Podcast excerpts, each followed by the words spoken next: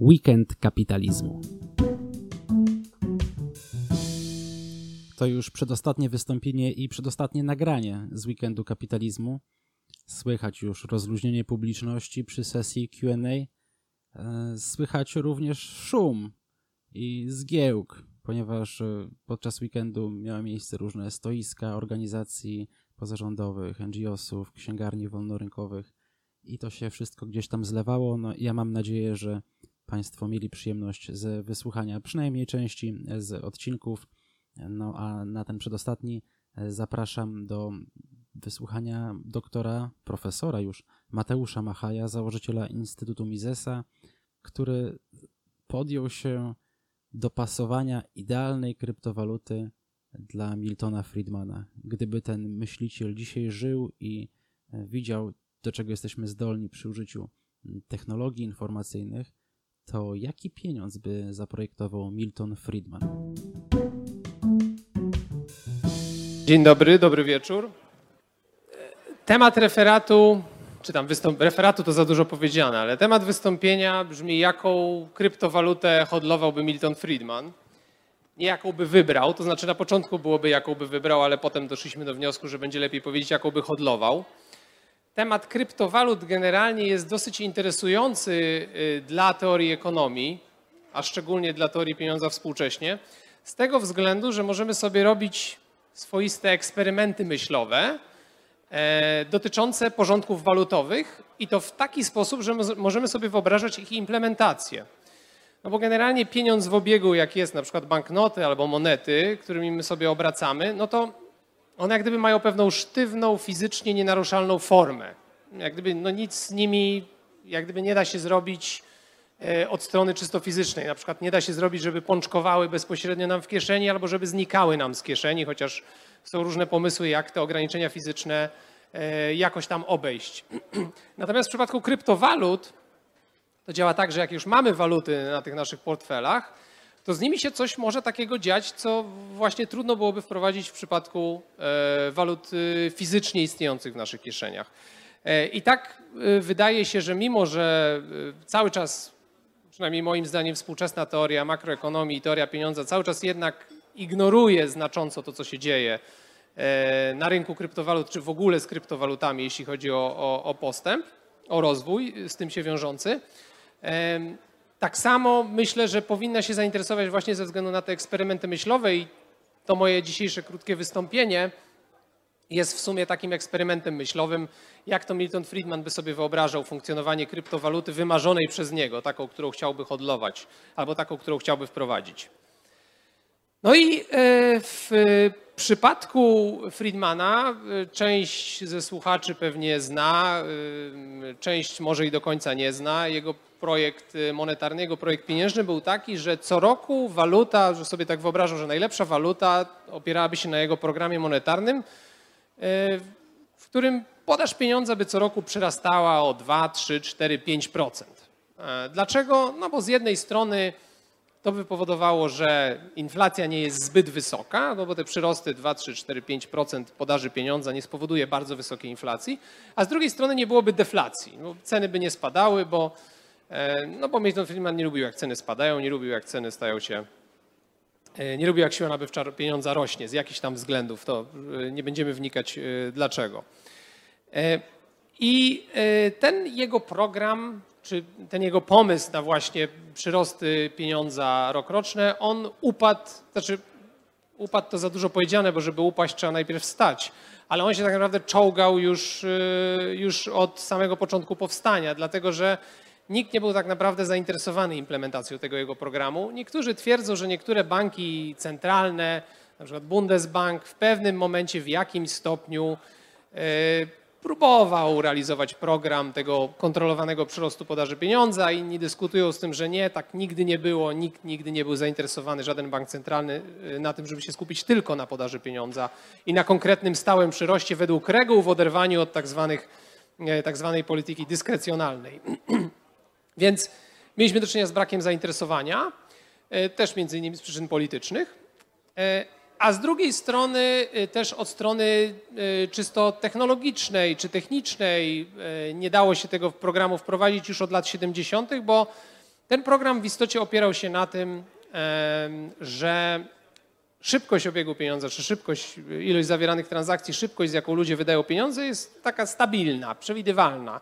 Ona jakoś tam się waha, ale generalnie rzecz biorąc jest, jest na podobnym poziomie e, przez cały czas. E, I że podaż pieniądza nie jest trudna do zmierzenia. Tak, nie wnikając za bardzo w szczegóły, e, nie tłumacząc mechanizmów, te dwa założenia, czy to założenia o stałości szybkości obiegu i, y, i znania mniej więcej tego, jakie, ile ta podaż pieniądza wynosi, to był istotny element, który sprawiał, że ten jego program przyrostu podaży pieniądza mógł zadziałać właśnie w, w taki sposób, żeby ceny były mniej więcej stabilne, czyli tam inflacja wynosiła od 0 do 2% powiedzmy, czyli nie była zbyt wysoka, ale jednocześnie nie była ujemna, żeby nie było deflacji. E, no i e, to, to, jest taka właśnie rzecz rozpoznana od czasów e, bankowych innowacji, jak to się mówi. Od lat 70. banki zaczęły rozszerzać swoją ofertę, oferować rozmaite instrumenty, które były trochę pieniądzem, a trochę nie były pieniądzem. No i to sprawiało, że ludzie prawda, mogli swoje salda gotówkowe dostosowywać, wymieniać na rozmaite instrumenty mniej lub bardziej płynne i to jak gdyby sprawiało, że ta, to wydatkowanie pieniędzy przez ludzi staje się mniej przewidywalne. W efekcie projekt Friedmana od strony czysto technicznej zaczął mieć problemy, że trudno go by było wprowadzić. Abstrahując oczywiście od innych pewnych y, poważnych problemów, które były na przykład podkreślane przez Austriaków tak, z, tym, z tym jego planem. Ale to są jak gdyby takie czysto obiektywne czynniki, które sprawiły, że takim monetarystą w sensie Friedmana, gdzie chcemy targetować podaż pieniądza, konkretne jej przyrosty, to dzisiaj już w zasadzie nikt nie jest. Tak? Chociaż są ludzie oczywiście inspirowani jego inspirowani jego e, tą makroekonomią, którą, którą uprawiał. No i teraz zastanówmy się, jaką kryptowalutę mógłby poprzeć, jaka by mu się spodobała dzisiaj, mając to wspaniałe narzędzie e, do dyspozycji, jak, jak wyglądałaby Friedmanówka. No więc e, Friedmanówka posiadałaby trzy zalety, zalety z perspektywy Miltona Friedmana, gdyby ją wprowadzić. Gdyby na przykład abstrahując od całej masy problemów, które się z tym wiążą. Gdyby na przykład wycofać z obiegu w stosunku jeden do jednego, nie wiem, złotego i wprowadzić kryptozłotego w postaci Friedmanówki, tak, że po prostu wymienilibyśmy jedną walutę na drugą i jak gdyby ceny byłyby e, w podobnych jednostkach, tylko teraz by się nazywały Friedmanówka i byśmy płacili kryptowalutą. To tak, pierwsza rzecz to mielibyśmy ten systematyczny przyrost podaży pieniądza, tak jak chciałby Friedman, no bo jego jest bardzo łatwo wtedy wprowadzić. Wystarczy, że do protokołu zapiszemy, że podaż pieniądza ma przyrastać co roku na przykład o 4%. Jak? No to odrębna sprawa. Można zrobić tak, że to pączkuje każdemu, czyli każdy ma 4% e, podaży pieniądza więcej, który trzyma w swoim, e, w czasie ciągłym jakoś tam rozłożone, tak? Nie tak, że to jest raz, tylko to jakoś jest rozłożone, powiedzmy codziennie może troszeczkę przyrastać, albo nawet co sekundę teoretycznie mógłby teoretycznie przyrastać, e, przyrastać ten pieniądz. Ja, tak jak mówię, abstrahuję od pewnych technicznych problemów, które się wiążą z kryptowalutami. To zostawmy na boku, myślmy ekonomicznie. Albo też ten przyrost nie musiałby być równomierny, tylko e, tak jak Friedman by chciał, byłby to seniorarz, który by przypadał dla rządu. Czyli byśmy mieli taką sytuację, że nowe pieniądze się pojawiają, one pączkują, ale pojawiają się na portfelu rządowym czyli wchodzą w oficjalny budżet państwa, tak? I przez to tam państwo nie musi jakiejś części podatków nakładać, skoro wychodzimy z założenia, że jest taki seniorarz, że jest taki przyrost podaży pieniądza. Więc to by była jedna rzecz, która by mu się podobała.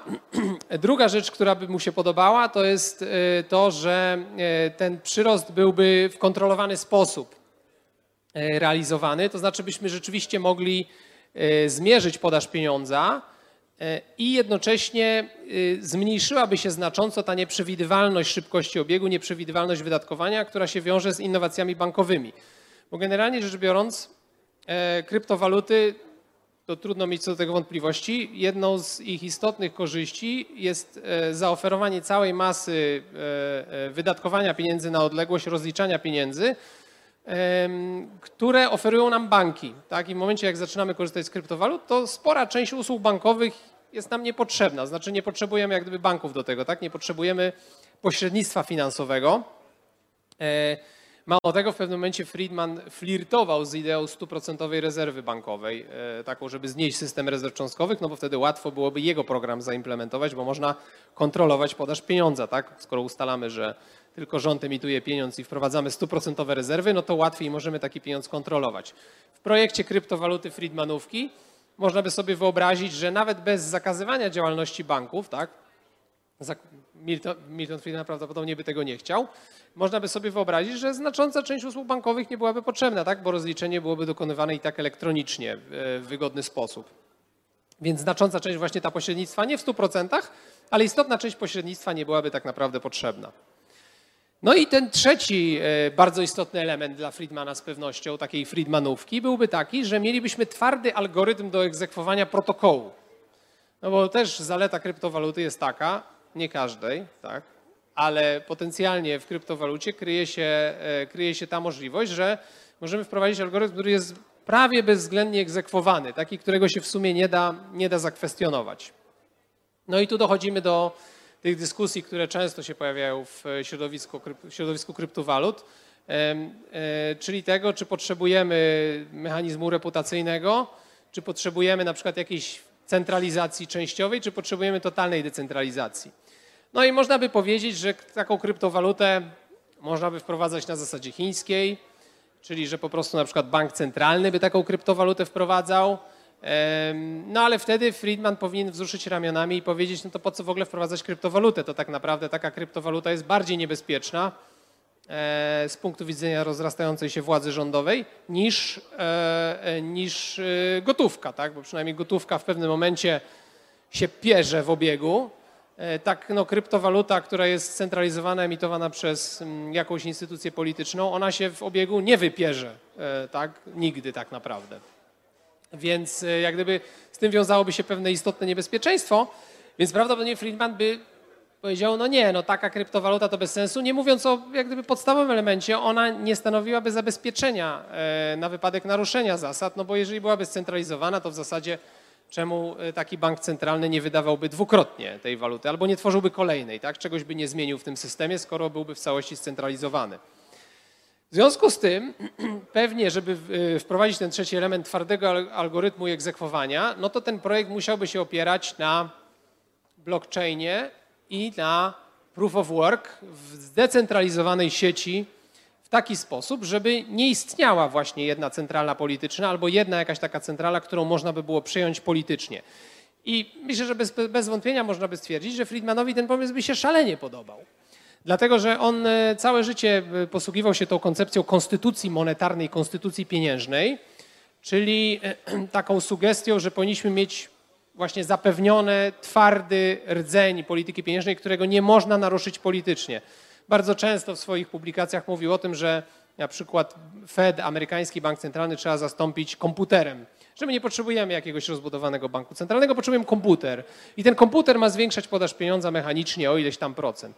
No to mając taką kryptowalutę, która byłaby oparta na blockchainie, zdecentralizowana i na proof of work Adama Becka, to okazuje się, że moglibyśmy mieć właśnie taką walutę, która by egzekwowała dosyć mocno taki protokół, tak? bo jeżeli byśmy sobie wyobrazili funkcjonowanie takiej waluty i rzeczywiście rząd by dostawał jakieś tam środki na swój portfel e, kryptowalutowy, to czy rząd mógłby na przykład dwukrotnie wydać swoje pieniądze, albo czy mógłby stworzyć nowe pieniądze? No nie mógłby tego zrobić bez przejmowania sieci. A jeżeli byśmy założyli, że ta sieć się opiera na blockchainie, jest zdecentralizowana i na proof of work, no to w tym momencie bez e, przejęcia tej sieci w taki sposób, że no wkraczamy na komputery ludzi, albo zamykamy dostęp do internetu, albo w sumie jedno i drugie, bo nawet jeśli byśmy wkroczyli na komputery, to przecież węzły i, i, i górnicy mogliby być, e, tak zwani górnicy, tak, e, potwierdzający transakcje, mogliby być przecież nie w Polsce. Gdybyśmy w Polsce wprowadzili Friedmanówkę, to mogli być poza granicami. Więc to by był wręcz wymarzony system dla Friedmana, bo by twierdził, o, można rzeczywiście monetarną konstytucję wprowadzić, możemy mieć e, bank centralny w cudzym słowie, który jest faktycznie komputerem, którego się po prostu nie da złamać i choćby klękały przed nim narody świata, to nie może zostać, znaczy teoretycznie może zostać złamany, ale w praktyce wyglądałoby tak, że byłoby go, że w zasadzie by go się nie złamało, tak? Że można by powiedzieć, że tutaj nie doszłoby do naruszenia systemu, w związku z tym no, mielibyśmy twardy, egzekwowany dosyć mocno y, algorytm. ale oczywiście jest tutaj pewien y, haczyk. E, haczyk, który niekoniecznie jest jakoś bardzo problematyczny. O ile e, takie wprowadzenie blockchainowej Friedmanówki, która byłaby oparta na proof of worku i zdecentralizowana i rozsiana po całym świecie, poza granicami kraju, który ją wprowadza, o ile istniałaby, istniałoby rzeczywiście zabezpieczenie takie, że rząd nie wykiwa posiadaczy tej waluty w taki sposób, że po prostu złamie protokół i zacznie sobie pieniądze drukować i z nich korzystać, o tyle jest to tylko i wyłącznie zabezpieczenie w jedną stronę. To znaczy, nie ma gwarancji, że druga strona nie chciałaby wykiwać rządu. E, to znaczy to, jak, jak mówię, niekoniecznie stanowiłoby problem. Natomiast można by sobie bez problemu wyobrazić sytuację taką, w której posiadacze, użytkownicy waluty, e, górnicy i, i węzły dochodzą do wniosku, że w zasadzie fajna jest ta kryptowaluta, tylko dlaczego my mamy tą zasadę, że co roku musimy odpalać jakieś środki na portfel E, tej centralnej tam politycznej instytucji, która z tych środków korzysta. A może by tak jakoś ją spaczować, coś tam pozmienić, pozmieniać i zrobić tak, żeby jednak nie przyrastała ta, e, ta Friedmanówka co roku.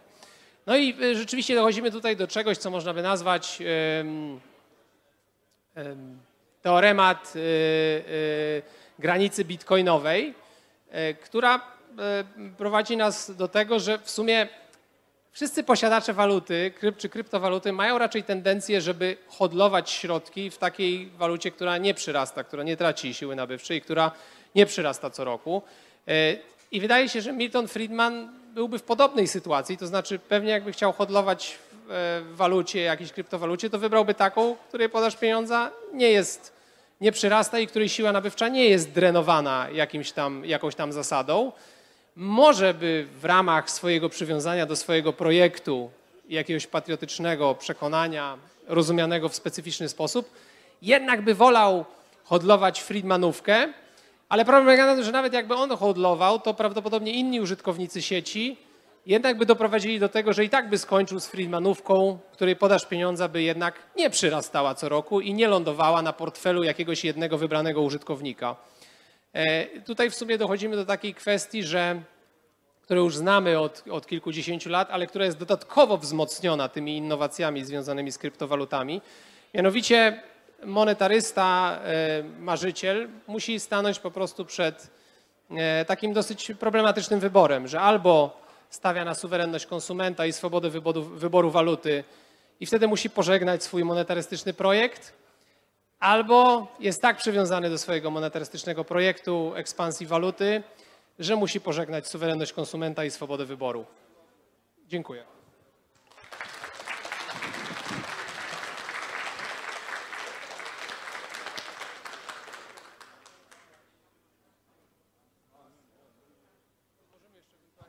Możemy, dwa pytania możemy. Tak. E, dzień dobry, Rafał Kiobus. E, e, kwestie mam właściwie dwie. Jedną chciałem tylko powiedzieć, że tą ideę, którą Pan przedstawił, można bez problemu zawrzeć w smart kontrakcie i to będzie działać. Na, na przykład na Ethereum jako token. Więc to akurat od strony technologicznej jest do zrealizowania i nie stanowi żadnego problemu. Proof of work akurat nie jest konieczny. Ale chciałbym zadać pytanie troszeczkę z innej beczki, ale, ale też o krypto. Czy uważa Pan, że Bitcoin powinien zostać uznany jako waluta obca? Uznany za co? Jako waluta obca. Jak nie wiem, marek, marki, funty, jeny. Ale chodzi panu o, yy, chodzi panu o Polskę, tak? Tak, o Polskę. Yy, to znaczy, tak, to znaczy, bo to by dawało jakieś pewne, jak rozumiem, jakieś pewne korzyści podatkowe by to dawało. Y, y. Znaczy, bardziej mi chodzi o to, że ułatwiłoby to mm, kwestie wszystkie formalne dotyczące i opodatkowania i obrotu y, Y, bitcoinem na przykład, y, bo potraktowanie go jako waluta obca, no to mamy te same zasady co do, nie wiem, euro lub czegokolwiek innego. No tak, znaczy ja nie widzę, nie widzę przeszkód. Zresztą jak to już się stało legalnym środkiem płatniczym w y, jednym kraju czy drugim kraju. No tak, nie, jeżeli są jakiekolwiek bariery dla funkcjonowania bitcoina przez to, że nie jest uznawany za walutę, to jak najbardziej, tak. Zdecydowanie. No oczywiście. Ja dziękuję za prezentację, Tomek Waszczyk. Ja chciałem się zapytać, bo przyszedłem tutaj z myślą, że się dowiem, co kupować, a, a tak czekałem, czekałem i nie, wie, nie wiem, co kupować. To jest tak pół żartem, pół serio. E, a tak naprawdę to mógłby Pan powiedzieć, dlaczego proof of work jest tak niezbędny? Bo wybrzmiało, że jest niezbędny i chciałem się dowiedzieć dlaczego. I dziękuję.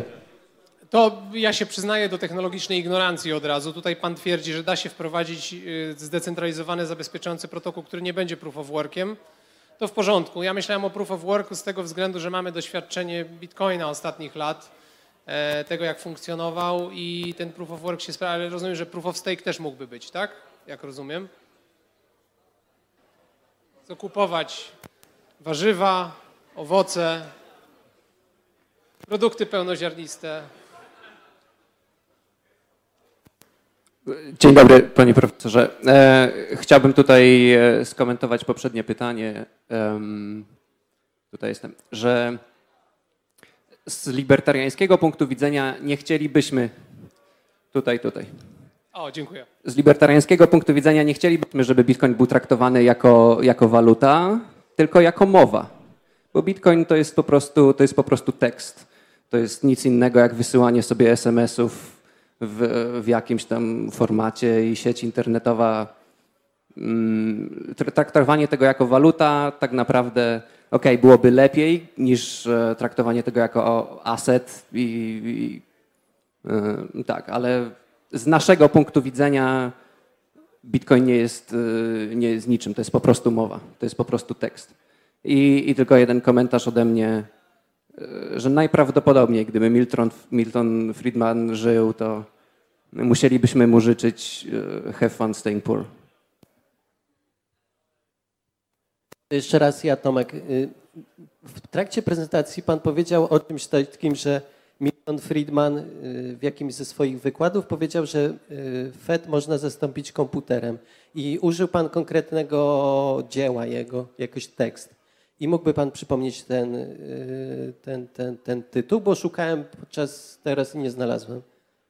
Proszę do mnie napisać maila, znajdę.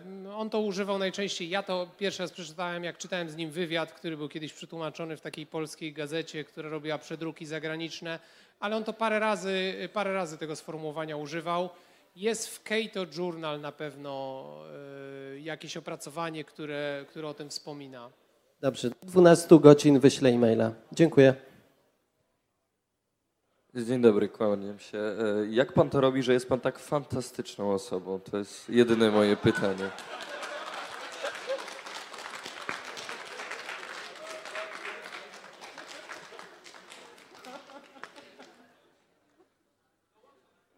Ćwiczę, ćwiczę sztukę iluzji od dzieciństwa. E, Lech Wilczyński, mam pytanie, bo z tego co pamiętam, to Friedman był zwolennikiem jednak wbudowanej inflacji w ten algorytm. E, I w, czy się zgadzasz z tym, no, to jest właśnie pierwsze pytanie, czy zgadzasz się z tym, żeby ta według, e, tak jak Friedman mówił, wbudować inflację e, w algorytm? A drugie pytanie, czy w takim razie nie lepiej byłoby podejść od strony Hayeka, który e, jednak twierdził, że całkowicie trzeba wyeliminować rząd z, z tematu emisji waluty. A mogę pierwsze pytanie jeszcze raz? E, Czy jesteś zwolennikiem tego, co właśnie Friedman w tym Ej, swoim nie, pomyśle, nie żeby nie, inflację nie, nie. wbudować? Nie, ja nie jestem. Ja jak gdyby, znaczy, mi się generalnie, to taka moja generalnie uwaga, e, mi się wydaje, że to, co jest najbardziej interesujące w poznawaniu poglądów innych, to jest e, próba wejścia w buty, e, dokładnie buty myśliciela, który coś przedstawia, który wprowadza jakieś rozważania i sprawdzenia, gdzie on musi się zacząć odbijać od ściany w pewnym momencie, gdzie zaczyna na przykład sobie zaprzeczać, albo gdzie pojawia się jakaś niespójność w jego projekcie, albo jakieś, jak, gdzie pojawiają się jakieś problemy, które by sprawiły, że ten projekt mógł porzuci, porzucić. Ja zdecydowanie zwolennikiem friedmanowskiej e, zasady monetarnej nie jestem. Natomiast interesujące wydaje mi się jak gdyby e, badanie, badanie tutaj e, tych jego przemyśleń. E, A drugie pytanie to było... A, Hayek, no, no to częściowo jak gdyby odpowiada. Tak, tak, no to już jak gdyby częściowo tak naprawdę odpowiedziałem, tak. E, tak, przy czym to, to jak Hayek sobie wyobrażał funkcjonowanie konkurencji walutowej zdaje się odstawać od rzeczywistości.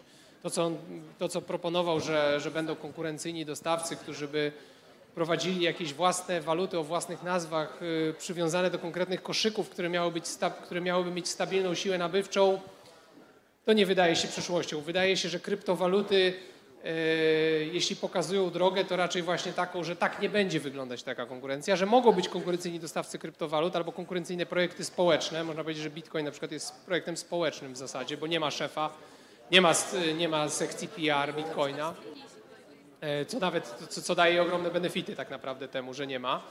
E, Także myślę, że, e, że jedyne co, jak na poziomie denacjonalizacji mówimy o walucie, no to jak gdyby Hayek miał rację, ale jak się zagłębimy w to, jak on sobie ją wyobrażał, to, to wydaje się, że rzeczywistość jest jeszcze bardziej odległa od tego, od tego jak to sobie wyobrażał. Okej, czyli w takim razie będziemy kończyć. Okej, dziękuję bardzo.